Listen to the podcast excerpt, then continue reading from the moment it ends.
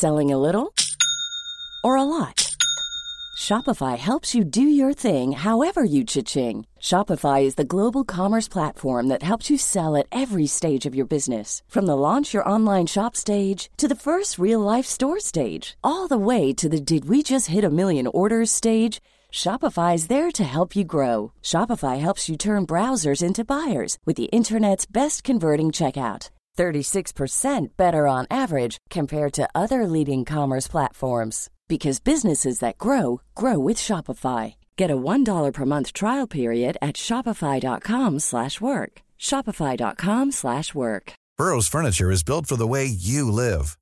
From ensuring easy assembly and disassembly to honoring highly requested new colors for their award-winning seating, they always have their customers in mind. Their modular seating is made out of durable materials to last and grow with you. And with Burrow, you always get fast, free shipping. Get up to 60% off during Burrow's Memorial Day sale at burrow.com slash ACAST. That's burrow.com slash ACAST. burrow.com slash ACAST. Hey, I'm Ryan Reynolds. At Mint Mobile, we like to do the opposite of what Big Wireless does. They charge you a lot, we charge you a little. So naturally, when they announced they'd be raising their prices due to inflation, we decided to deflate our prices due to not hating you. That's right. We're cutting the price of Mint Unlimited from $30 a month to just $15 a month. Give it a try at mintmobile.com slash switch. $45 upfront for three months plus taxes and fees. Promo rate for new customers for limited time. Unlimited more than 40 gigabytes per month. Slows. Full terms at mintmobile.com.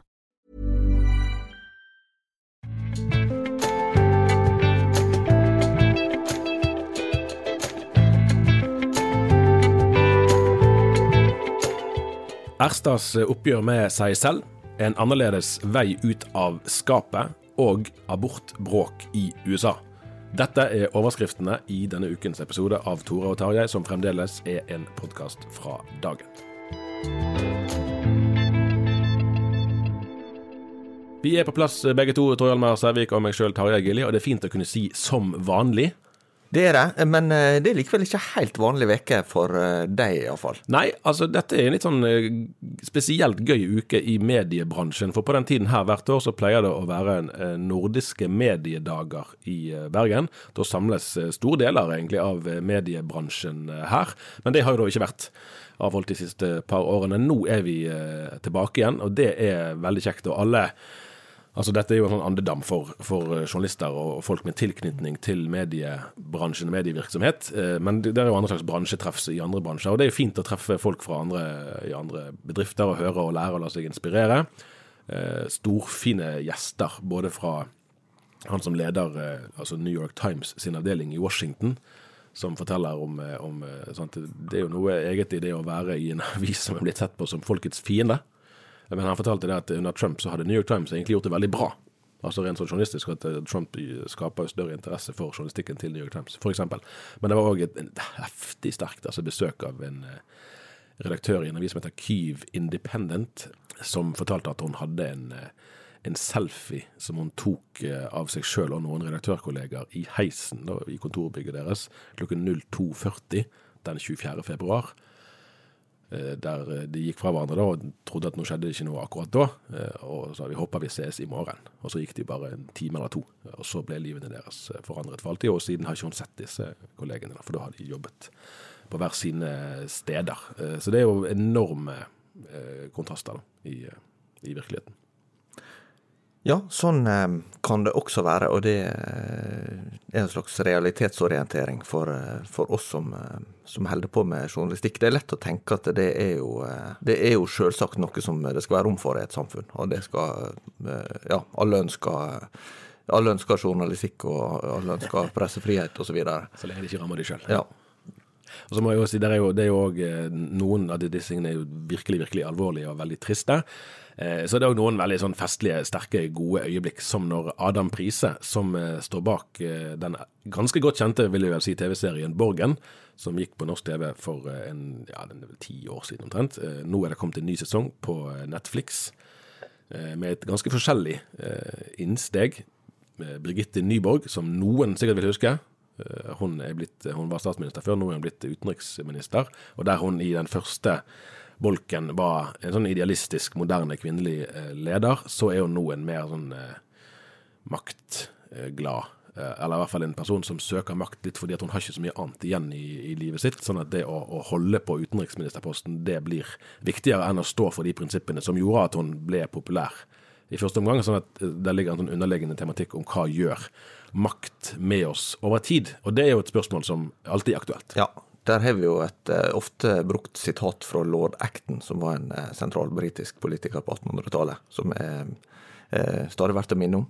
makt korrumperer, og absolutt makt korrumperer absolutt. Ja, akkurat.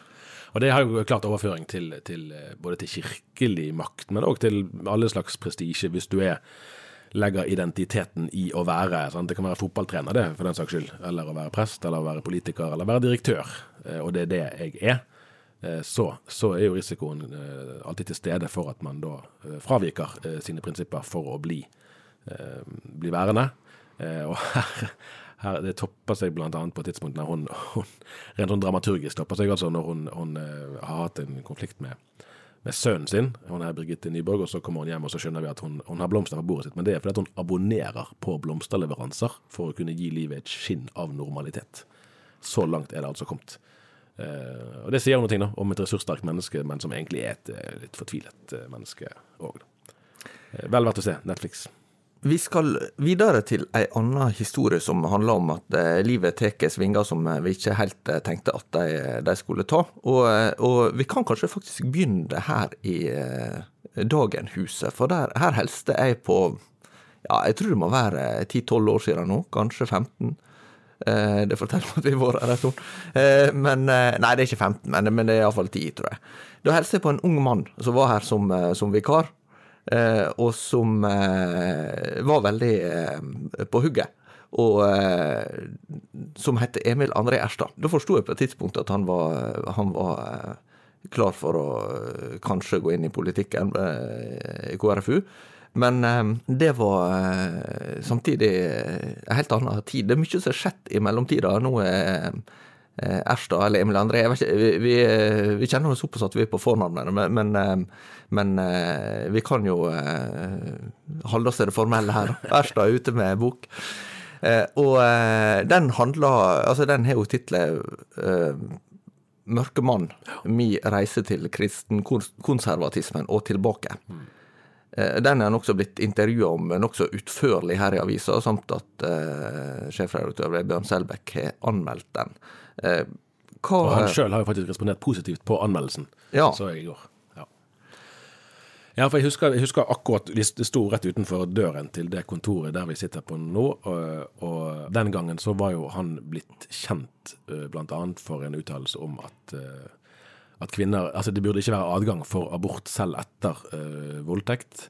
Uh, og der gikk det jo et sånn selv Altså, kanskje de mest uh, hardcore liksom, abortmotstanderne mente det, men de fleste som vel ellers var motstandere av selvbestemt abort, mente vel at det burde være unntak i tilfeller som incest og voldtekt. Og han gikk på en måte enda lenger enn det. Men det var, var liksom ikke poenget hans, den gangen egentlig at en burde ha et så høyt syn på det ufødte livet at en burde ikke tenke at det var det som var løsninga? Altså, eh, at jeg oppfatter det, mer som et etisk engasjement enn et juridisk. Litt mer kontekst, det var det, men slutningen var likevel den. Eh, og det, og det er jo på en måte Det kommer jo litt frem i intervjuene og i boken, det at han, han forstår vel òg seg sjøl som en som gjerne gikk enda lenger, da. Altså Han kom ikke fra et, et Han sier det sånn at det var ikke et spesielt kristent hjem, uh, tror jeg omtrent er de ordene han bruker. Han kom fra, men han fikk da en, en kristen oppvåkning i ungdommen, og gikk da enda lenger inn enn uh, all in pluss, kan du si eh, sammenlignet òg med de miljøene han var, var del av. Eh, og da kan det jo være sånn noen ganger at, eh, at når man da eh, møter på et eller annet eh, som gjør at, eh, at, det snur, så kan det snu veldig, da. Og det har det jo gjort. Det er jo sånn at hver har sin historie om å få fortelle den og ta sine livsvalg og sånn. Og samtidig så er dette et fenomen som jeg ser, ikke minst i og med at jeg følger en del med amerikansk kristenliv, med det en kaller dekonstruksjon. Altså hvis du har hatt en teologisk eller kristelig pakke, et, et, en måte å betrakte verden på der du har eh, svar på veldig mange spørsmål, og så opplever at du Eh, du forflytter deg både i ditt eget liv og møter andre mennesker og andre miljø og, og får en annen innsikt osv. Og, så og så opplever du at det, alt det du du hadde som ferdigtygde og, og sånn fasit på. da. Det, det blir litt sånn vanskelig å opprettholde. Eh, og, og, sånn sett så er jo ikke denne historien unike i, i vår tid. Nei, slett ikke.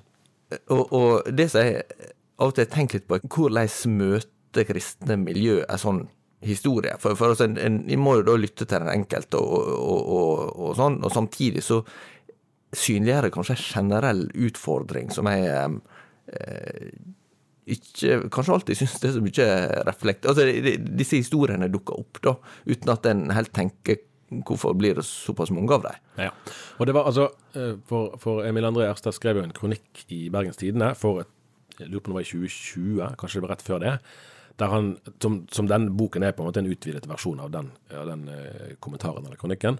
Eh, og der eh, var det nok flere, og jeg meg sjøl òg, som fikk litt mer sånn følelsen av at i, her, i fortellingen om reisen, så tok han litt med seg eh, miljøet eh, på sin egen vandring. Altså at eh, jeg dro dit, eh, men så forlot jeg det, men de andre de er sånn fremdeles sånn som jeg var. Og Der vil det nok være ganske variabelt hvor mye de som er f.eks. på et vanlig bedehus egentlig vil kjenne seg igjen i. De vil antagelig si at Emil, Emil, du gikk lenger enn vi. Vi var aldri der som du var. Eh, så det er urettferdig å, måte, å, å sette den merkelappen på oss. Det tror nok en del tenkte da. Og der oppfatter jeg at refleksjonen er litt mer presis nå. At han, han, forteller om sin egen reise. Og det, og det er jo litt svaret på, på kanskje spørsmålet ditt òg, på den måten at eh, når det er nettopp det en personlig reise, så kan du alltids liksom problematisere noen prinsipielle sider ved det. Men det er jo et menneskets reise, og det er ikke så lett å argumentere mot eh, livsopplevelsen. Eh, det kan fort bli, bli ganske sånn ubehagelige eh, debattklima hvis man begynner med det. Eh, og der tror jeg nok en del som, er, som kaller seg konservative, da, selv om det ordet etter hvert er vanskeligere og vanskeligere synes jeg, å bruke, eh, at de, at de eh, blir litt sånn perplekse. Klarer ikke helt å Vet ikke helt hvordan man skal angripe det, og blir liksom stående og betrakte fremfor at det egentlig blir det som kunne vært en spennende samtale ut av det. Det er en refleksjon som jeg har gjort meg, uten at den er helt sånn eh, ferdig, ferdig utformulert. Og det er hva er det grunnleggende i eh, en kristen livsforståelse? Eh, er det en, en serie slagord uh, med, med hva, en, hva, en, står for, eller er det egentlig en serie paradoks? Uh, og jeg tenker, hvis, hvis, du ser litt på det siste, et paradoks det er, jo, det er, jo, to ting som er sant samtidig, som kan virke som motsetninger, men som uh, faktisk står i en slags utfyllende spenning. og, og der har jeg tenkt mer og mer at, at den, den, kristne tro handler jo om ting som ikke logisk går opp for oss Altså at Gud er treenig. At, eh, at um, Jesus er sann Gud og sant menneske. At Gud, Guds rike er kommet, altså ennå ikke kommet. Eh, at Bibelen er Guds ord, at den samtidig er blitt til eh, i en menneskelig prosess. En luthersk formulering. Når den kristne er samtidig synder og rettferdig. Og Mange av disse spørsmålene vil i vår logikk presentere men da må du bestemme deg. sant? Du må, du må være enten eller. Eh, og så, så, kan dette høres ut som en sånn her Dette kan bli litt sånn utenomsnakk når, når en vil ha tydelige svar på på eh, konkrete utfordringer i vår tid, der, der, det er viktig at en har et avklart kristent utgangspunkt. og det, det, det her tenker jeg at En trenger ikke stå i motsetning til det andre, da, men, men hvis du tenker at en ikke har slags Det grunnleggende er at, at trua er også et mysterium. At, at det er ting som er over vår fatteevne. At det er ting som, som vi ikke kan forklare, samme hvor mye vi prøver. Og det er ting som som vi bare må egentlig undre oss over. Da. Og, og, og at uansett sett er den, den kristne trua en tilbedelse, etterfølgelse, for, for, å bruke litt sånn litt sånn kanskje indre kirkelig språk her. Men, men, men, jeg tror, tror det, det, ligger noe der likevel, et, et visst Og ikke minst for unge mennesker som gjerne vil ha liksom, noe klart og tydelig, da, mm. så, så, så, tror jeg at det, det der, er, der er kanskje en fristelse til å, til å å, å søke En skal ha svart-hvitt sort Altså skal kunne sortere alt i svart og hvitt i livet. Ja. Eh, og, og, det er jo ikke spesielt bærekraftig. Nei da, og der, og der er jo, eh, der er jo eh, kanskje den nesten den største utfordringen for det som har, det som har oppfattet seg sjøl som vekkelsesbevegelser, eh, både i og utenfor Den norske kirke. Og det er, jo, det er, jo, egentlig det Emil André tar et oppgjør med òg, sånn på systemnivå. Eh, og det er jo egentlig akkurat det du beskriver. Sant? At, at uh, Hvis man etablerer forestillinger om at det går an å plassere virkeligheten i alt uh, som svart eller hvitt, positivt eller negativt, så, så, er det ganske stor risiko for at, man, at det smeller skikkelig litt fremme i livsreisen. Og da kan det smellet bli ganske kraftig hvis man, eller bli ekstra kraftig hvis man ikke har øvd opp evnen til å se nyanser og til å nettopp å omfavne paradoksene. Det har vi vel snakket om før, tror jeg. der på det punktet der møtes jo til dels de mest liberale og de mest konservative i kravet til at det må gå opp. da. En, en, veldig liberal vil si at, de sidene ved Bibelen som jeg ikke får til å stemme, de kan ikke jeg tro på. Mens en, en konservativ, den mest uh, hardbarka konservativ gjerne, da, vil si på en måte sånn som at hvis ikke, hvis ikke hvert eh, komma i den norske bibelversjonen nærmest da, er rett fra Guds munn, så er, rakner hele greiene. Eh, og, og, sånn er det faktisk ikke Den kristne kirke har forstått eh, troen eller Bibelen gjennom, gjennom historien. Og, og, hvis man gir næring til sånne forestillinger, så, så, kan det være man klarer å leve som kristen likevel, men jeg tror nok at for en del så vil det bli så vanskelig at man da Det vil kanskje bli flere Emil Andreas-historier eh, i årene fremover. Apropos historie, så eh, er det også ei anna eh, sak som har vært publisert i dagen denne veka som har fått eh, en god del oppmerksomhet, må en kunne si. Eh, og det er tidligere pinsepastor eh, Simon Stisen som eh, forteller om veien til å stå fram som homofil.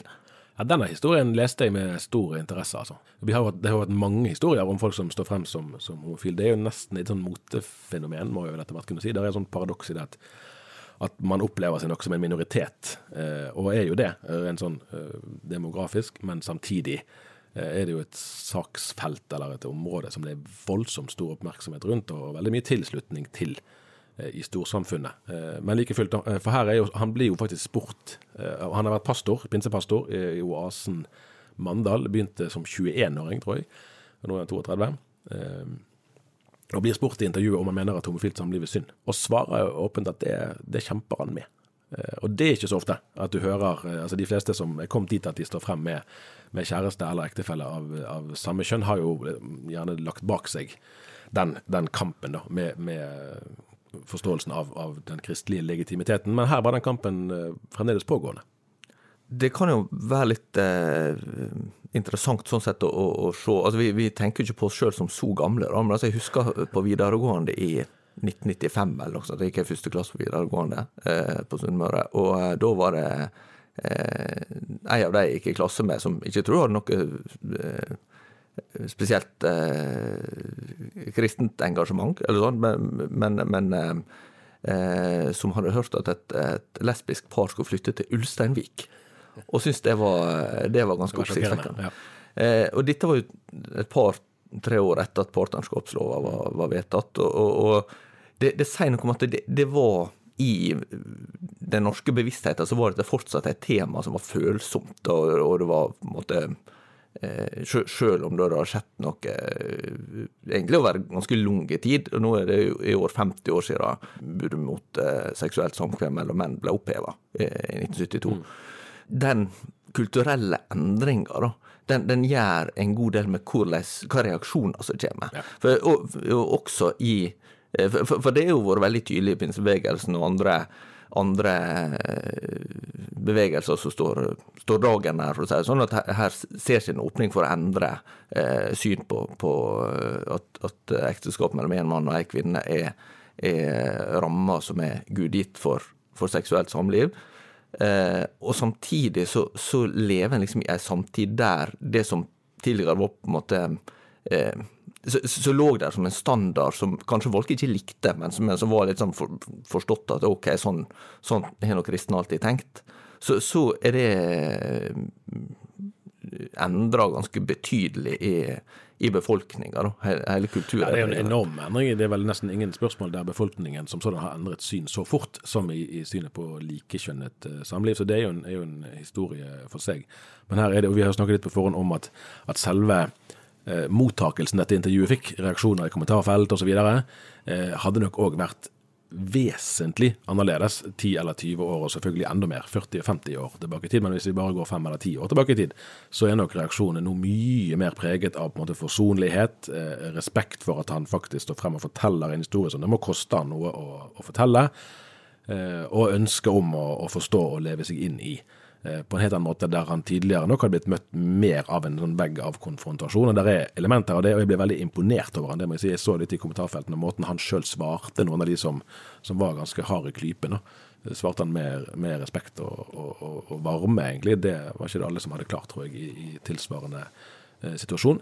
Han sier jo i intervjuet noe som jeg tror er et viktig poeng, da, og som er en sånn forandring, en forskjell. Han sier at hvis du toner ned kjønnsaspektet, altså ved at han er kjæreste med med en annen. og det er jo Et poeng i saken er at det er jo Henrik Asheim som er nestleder i Høyre og tidligere statsråd. Eh, og Det har jo kommet frem at Erna Solberg under en, en middag var veldig interessert i hvem han var. Han er der kjæresten til Henrik Asheim. Og når det kom frem at han var tidligere pastor, sånn, så blir det ekstra interessant. Eh, men altså, hvis du toner ned eh, kjønnsaspektet et lite øyeblikk, så tenker jeg at trofasthet er enormt viktig. Og dette sier han i en sammenheng der han reflekterer rundt hvor stor den teologiske forandringen hans egentlig er. Eh, for han, han, eh, han, har ikke lest, tror jeg, i hvert fall ikke lagt sånn, sånn veldig vekt på Terje Hegertun, MF-professoren sin bok 'Det trofaste samlivet' fra i fjor. Men, men, tenkningen hans er egentlig ganske parallell. At hans ekteskapsforståelse virker å være ganske lik den som han hadde før, men han har uh, skiftet ut. Uh, altså kravet til uh, at det må være mann og kvinne. Men det er altså ikke noe sånn løssluppent samliv han tar til orde for, sånn at forskjell er, er mindre enn den er overfor de som ikke vil ha noen grenser uh, utover det som er frivillig for, for uh, seksualiteten. Uh, og det der Det er interessant å se at han har fremdeles verv i Hillsong i, Oslo, forteller han jo om i intervjuet. Sånn at rent sånn sosiologisk så er det vel rimelig høy sannsynlighet for at denne spenningen, da, altså den type holdning som, som han beskriver, er en posisjon som ville vært omtrent umulig for få år siden, den eh, Han blir nok ikke den siste som sier dette. Men betyr det at det liksom en, en eh, kristne blir vaske, liksom? At, at en liksom ikke heller på overbevisninga når, når stemninga endrer seg? Det der lurer jeg mye på, og, og jeg tror det er kanskje en del sekulære glemmer litt at den kristne kirke eh, har aldri hatt som utgangspunkt at dens samlivssyn eller seksualitetssyn skal være i synk med samtiden. Den kristne kirke har en, en lære eh, om, om, seksualitet og om samliv. Eh, selv om det kan, ha, det kan være uenigheter på noen punkter, og sånn, så, så, finnes det noe distinkt der som er i spenning med enhver eh, samtid. Jeg må eh, trygt kunne si at den var ganske omstridt da Det nye testamentet ble til. Presis. Gi meg døperen Johannes sitt hode på et fat, osv. Ja selve det at den, at den, spenningen vil finnes der, det, det tror jeg den alltid vil. Eh, men så eh, er det vel òg en, en, side ved saken at dette, altså selve synet på likekjønnet samliv, eh, at den uenigheten den kommer ikke til å forsvinne. Eh, og der, noen kirkesamfunn har jo åpnet helt opp eh, for å ha to syn. Det er ikke det sikkert at, eh, at, alle kommer til å gjøre. Langt ifra sikkert at alle kommer til å gjøre det. Men at, at dette er en uenighet som kommer til å være der lenge, eh, i overskuelig fremtid, det eh, er rimelig klart. Og at det, at det vil være behov for å altså òg inn i pinsemenigheter og tilsvarende, sant, inn i bedehus òg, å finne en eller annen form for avklart uenighet, det, det ser jeg ikke helt hvordan man skal komme seg unna. Og det har man, dette, dette som jeg sier nå, jeg vil det være helt selvsagt i Den norske kirke, og for så vidt også i Metodistkirken. Slett ikke eh, i Frikirkelighet og bedehuset ennå. Eh, men det, det, Jeg klarer ikke å se noe annet enn at det er det som, som ligger i løypen. Hva betyr det at øh, Hvis du skal vurdere dette teologisk, altså hva er det som skjer da? For altså er det sånn at teologi blir til på sosiologiske premisser? Altså teologi blir på en måte det som er mulig i en viss samtid. Mm. Så, så, er det jo litt sånn er det da evige sannhet, egentlig? Ja, nei, og det, der er jo på en måte en litt det, Apropos paradokser, det der er jo en litt sånn uløselig spenning. For svaret er vel både ja og nei. Altså Hvis man sier flatt ja, teologi blir til på sosiologiens premisser, så er det jo ikke noe teologi. Da er jo teologien bare en utvidet uh, Altså Da er det kun menneskelige premisser. Og så setter vi et eller annet sånt guddommelig stempel på det. Uh, men det er jo samtidig sånn at teologien alltid er eh, i en eller annen form for dialog med sin samtid. Og det har jo bedehus òg alltid vært. Altså, det er ikke sånn at selve det er noe nytt. Og, og det har jo vært, altså, Bare tenk på synet på slaveri, det, hvordan det har utviklet seg gjennom lengre tid. Eh, for den saks skyld eh, kan du si òg synet på likestilling, som har forandret seg mye i løpet av bare din og min eh, levetid. Og det er jo ikke på av altså det er jo pga. samfunnets endringer som har fått ringvirkninger inn i, i kirkene. Sånn at, at, at, det ville være rart om Kirken skulle si at vi per definisjon ikke kan lære noe av samfunnsutviklingen. Men samtidig er det jo naturligvis et grunnleggende ideal at Kirken er forpliktet på noe annet og noe mer, noe høyere enn en trender i, i, samfunnet rundt. Eh, og så tror jeg egentlig at, eh, hvis vi kan si det litt åndelig, da, eh, så tror jeg egentlig at, at kristne mennesker eh, har godt av å øve seg i å stole mer på Den hellige ånd og mindre på seg sjøl. Eh, og, og f.eks. våge å tenke at endringsprosess endringsprosesser tar som regel mer tid enn vi liker, og at mennesket er jo mer et produkt av premisser som er gitt oss, enn vi sjøl kanskje liker å, å innse. F.eks. nå, tenk på de som er 20 år eh, i dag. Eh, sjansen for at veldig mange av de kommer til å, å, si det samme om homofili som deres besteforeldre sa, er ganske liten. Det betyr ikke at de kommer til å pulverisere eh, tanken om ekteskapet som en ordning for mann og kvinne. Slett ikke. Den tror jeg kommer til å leve gjennom hele kirkens eh, historie. Eh, og, og, sannsynligvis kommer store deler av kirken til å stå ved det at ekteskapet er en, er en ordning for mann og kvinne, og denne ordningen er ikke tilgjengelig for, for to av, av, samme kjønn. og Det handler om å forstå selve livets utgangspunkt. Men at på samme måten som protestanter og katolikker eh, er jo uenige om, om svært vesentlige spørsmål i troen, Eh, så, så, vil det her være en, en, form for uenighet som man på en eller annen måte tror jeg, må, må, finne ut av. Men jeg vet ikke hvordan det kommer til å se ut. Noe annet vi ikke vet hvordan det kommer til å se ut, det er jo eh, lovgivninga i USA. Ja, vet du hva, for jeg skulle si det, at, for jeg hadde jo abortbråk i USA som en del av overskriften. Og da slo det meg at den overskriften, omtrent akkurat de ordene, har vi hatt før. Eh, og dette her er jo en sånn tematikk som engasjerer i USA på en helt annen måte, eh, eller i hvert fall at den splitter befolkningen på en helt annen måte i USA enn i Norge. Eh, så vi kunne på en måte hatt det som Altså det kunne vært et, nesten et fast emne, for det skjer hele tiden ting. Men så er det noen ganger at det skjer ting som stikker seg ut mer enn det i hermetegn vanlige. Og denne uken her var en sånn uke, det må vi kunne si. Det stemmer. Det kom, det, og det er i seg sjøl svært oppsiktsvekkende. En le lekkasje av et eh, notat, eller et, eh, ja, et utkast til en høyesterettsavgjørelse. Eh, det er jo sånn i USA at de setter ni dommere i Høyesterett, og de har ansvar for å vurdere om lovene i de forskjellige delstatene er i tråd med grunnlova fra sent på 1700-tallet. Nå skal ikke vi ta hele foredraget her, men, men, men kjerna her er jo at Høyesterett i 1973 kom fram til at abort er ei rettighet som er grunnlovfesta. Selv om det ikke står noe om abort i Grunnloven? Det står ingenting om abort der. Ja. Eh, det som de viser til, er vel eh, Jeg lurer på om det er tillegg nummer 14 i Grunnloven som handler om rett til privatliv. Ja. Eh, og en forstår det sånn at, at når en har garantert borgerne privatliv, så omfatter det også den typen selvbestemmelse som handler om uh, sånne altså medisinske forhold. Og Der er det jo sånn spesiell ting. Dette, jeg vet ikke hva som gjør det, det er jo sikkert massevis av grunner til det, men man har aldri klart å å vedta lover som da befester denne høyesterettsdommen. Sånn at den føderale, altså den felles eh, amerikanske USA eh, sin lovgivning hviler utelukkende på denne høyesterettsdommen. Det er jo egentlig litt sånn kan virke rart, da. Eh, for det er jo gjennom lov, ved lov skal landet bygges. Ja, ja det er egentlig nokså spesielt, men, men, eh, sånn er det. Og, og, eh, det gjør at alle 50 delstater nå må tillate abort. Og, og det kom også en dom i 1992 som presiserte noen forhold der. Og, og, i praksis betyr det fram til fosteret er levedyktig utafor. For der er en viktig forskjell. For det, som, det, det står jo i, i, dette notatet som da er lekket, at, at Høyesterett Det er jo ikke noe sånn at de vil forby abort. Høyesterett at de, de, vil bare oppheve denne Roe versus Wade, altså den kjennelsen fra 73, eh, og flytte spørsmålet tilbake til de folkevalgte. Så de vil, vil, flytte spørsmålet tilbake til de som skal være politisk valgte lovgivere, og det er de som skal, skal avgjøre dette.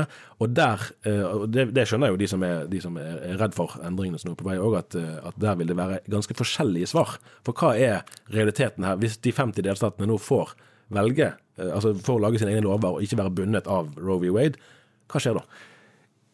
En oversikt fra noe som heter Gutmaker Institute, Gutmaker kanskje, eh, som er jo en eh, organisasjon som, som eh, forsvarer abortrettigheter, eh, viser at 26 delstater vil innføre restriksjoner på et eller annet nivå. Ja, hva snakker vi da? Eh, nei, da kan det være i spenninga fra um, altså det, det, som var utgangspunktet for denne saka i Høyesterett, det var en lov fra Mississippi som setter grensa på 15 uker i svangerskapet. Men seinere også 12, sant, i Norge, Texas, nei, ja, I Norge er det jo 12 ja. som er gjeldende. Eh, I um, Texas er det vedtatt en lov om grense på såkalt heartbeat-nivå. Eh, det vil si ca. seks uker svangerskap. Når, du kan, når, du kan, ja, når du kan oppdage eh, hjerteslag hos fosteret. Og så er det da mulig at andre delstater kan også innføre et eh, total, eller med visse unntak, da. Og, og, og det handler jo om, om, vil en si, å forsvare retten til liv, som er helt grunnleggende også i Grunnloven. Altså, det er jo noe som som, eh, som uh, framgår av den amerikanske uavhengighetserklæringa. Er Texas, Texas de mest uh, Altså de strengeste, da? Si ja, foreløpig så, så, er det jo det. Og så er det da vel Jeg husker ikke om det var 11 eller kanskje var 13 delstater som har såkalte trigger laws. Altså de, de, har egentlig vedtatt lover som er klare til å bli innført ja. hvis denne høyesterettsdommen blir oppheva. Og det er jo endelig avklart da antagelig seint juni eller tidlig juli. Det er vel sannsynlig at det skjer? Ja da. altså det, det, Dette handler jo om at Donald Trump fikk utnevnt tre høyesterettsdommere dommere, og, og eh, dermed fikk skifta eh, balanse i Høyesterett. Sånn at det er jo eh, fem som er, er, markant konservativ i utgangspunktet.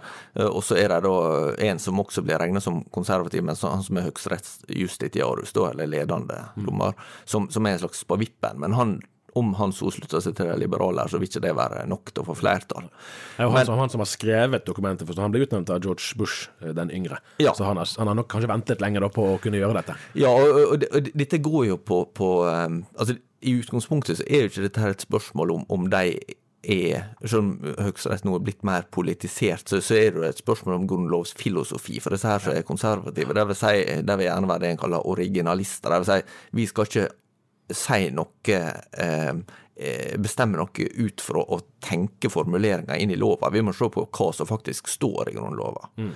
Eh, men, men eh, så, det, så, så, så, de vil jo si at det, det, dette handler ikke om mine verdier, det handler om på en måte hva Grunnlova faktisk er. Ja. Eh, men, men, så vil jo dette også da være ei sterk politisering, vil mange mene at høyesterettsutnevnelser er blitt mye mer kontroversielt, mm. og, og de fyller partilinjer. Og, og det, han her fra, fra, New York Times som var på mediedagen i går, snakket om at disse ja, de er litt fortvilte nå, noen av de, av de republikanske politikerne som ønsker eh, å beholde eh, Roe v. Wade. Eh, at, at, flere av de relativt nyutnevnte dommerne kanskje har sagt litt i høringene om at de ikke skulle skulle gjøre dette. Ja, Det handler om det... presedens. Når Norge har stått i snart 50 år, som vi sier, og, det er jo han John Roberts, uh, høyesterettsjustitiarius, vil være veldig opptatt av presedens. Ja. For der er jo den nesten sjarmerende siden ved saken at, at høyesterettsdommer faktisk blir utnevnt på livstid. Og det er ja. ikke noe pensjonsalder heller. Det er ikke det, så, så de kan sitte ganske ja. lenge. Og det, Dermed er det jo viktig å få utnett relativt unge eh, ja. men de må samtidig være erfarne nok. Ja, Nei, så, så, dette her har nok eh, Det er jo eh, ikke nok spesielt eh, oppsiktsvekkende observasjon å si at USA er polarisert, men dette her er jo Det koker jo virkelig. Og her, og her, vil du kunne se for deg, og det er jo bare en måned eller to til dette kan være, det som faktisk blir, blir vedtatt.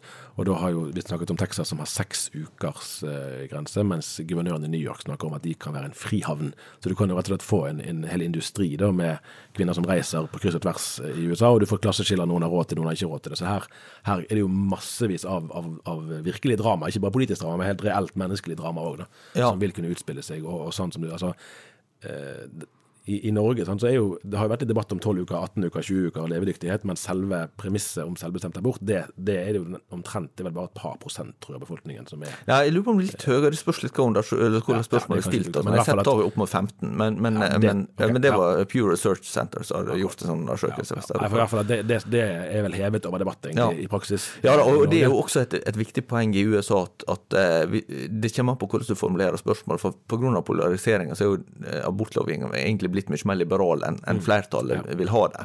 Eh, Jeg har jo nettopp fått en, en ny eh, undersøkelse nå fra, fra nevnte Pew som viser at en, en majoritet av amerikanere sier at abort skulle, skulle være lovlig i alle eller de fleste tilfeller, men mange åpner for restriksjoner.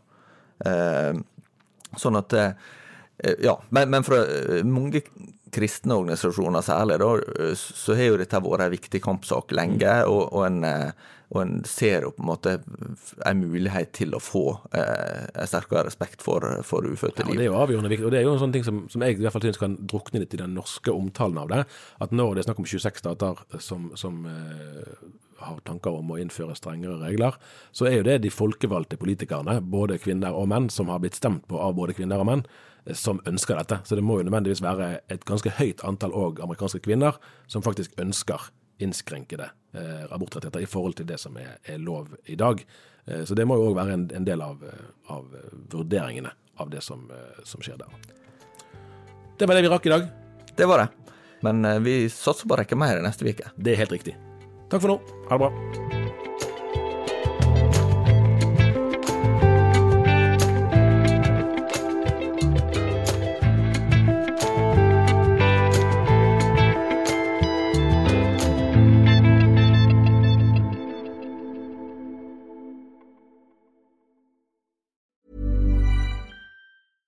Selling a little or a lot? Shopify helps you do your thing however you cha-ching. Shopify is the global commerce platform that helps you sell at every stage of your business. From the launch your online shop stage to the first real life store stage, all the way to the did we just hit a million orders stage. Shopify is there to help you grow. Shopify helps you turn browsers into buyers with the internet's best converting checkout. 36% better on average compared to other leading commerce platforms because businesses that grow grow with Shopify. Get a $1 per month trial period at shopify.com/work.